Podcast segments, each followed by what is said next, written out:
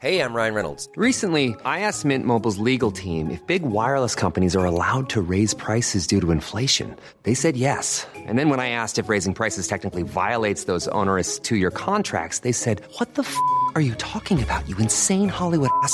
F- So to recap, we're cutting the price of Mint Unlimited from $30 a month to just $15 a month. Give it a try at mintmobile.com slash switch. $45 upfront for three months plus taxes and fees. Promo rate for new customers for limited time. Unlimited more than 40 gigabytes per month. Slows. Full terms at mintmobile.com.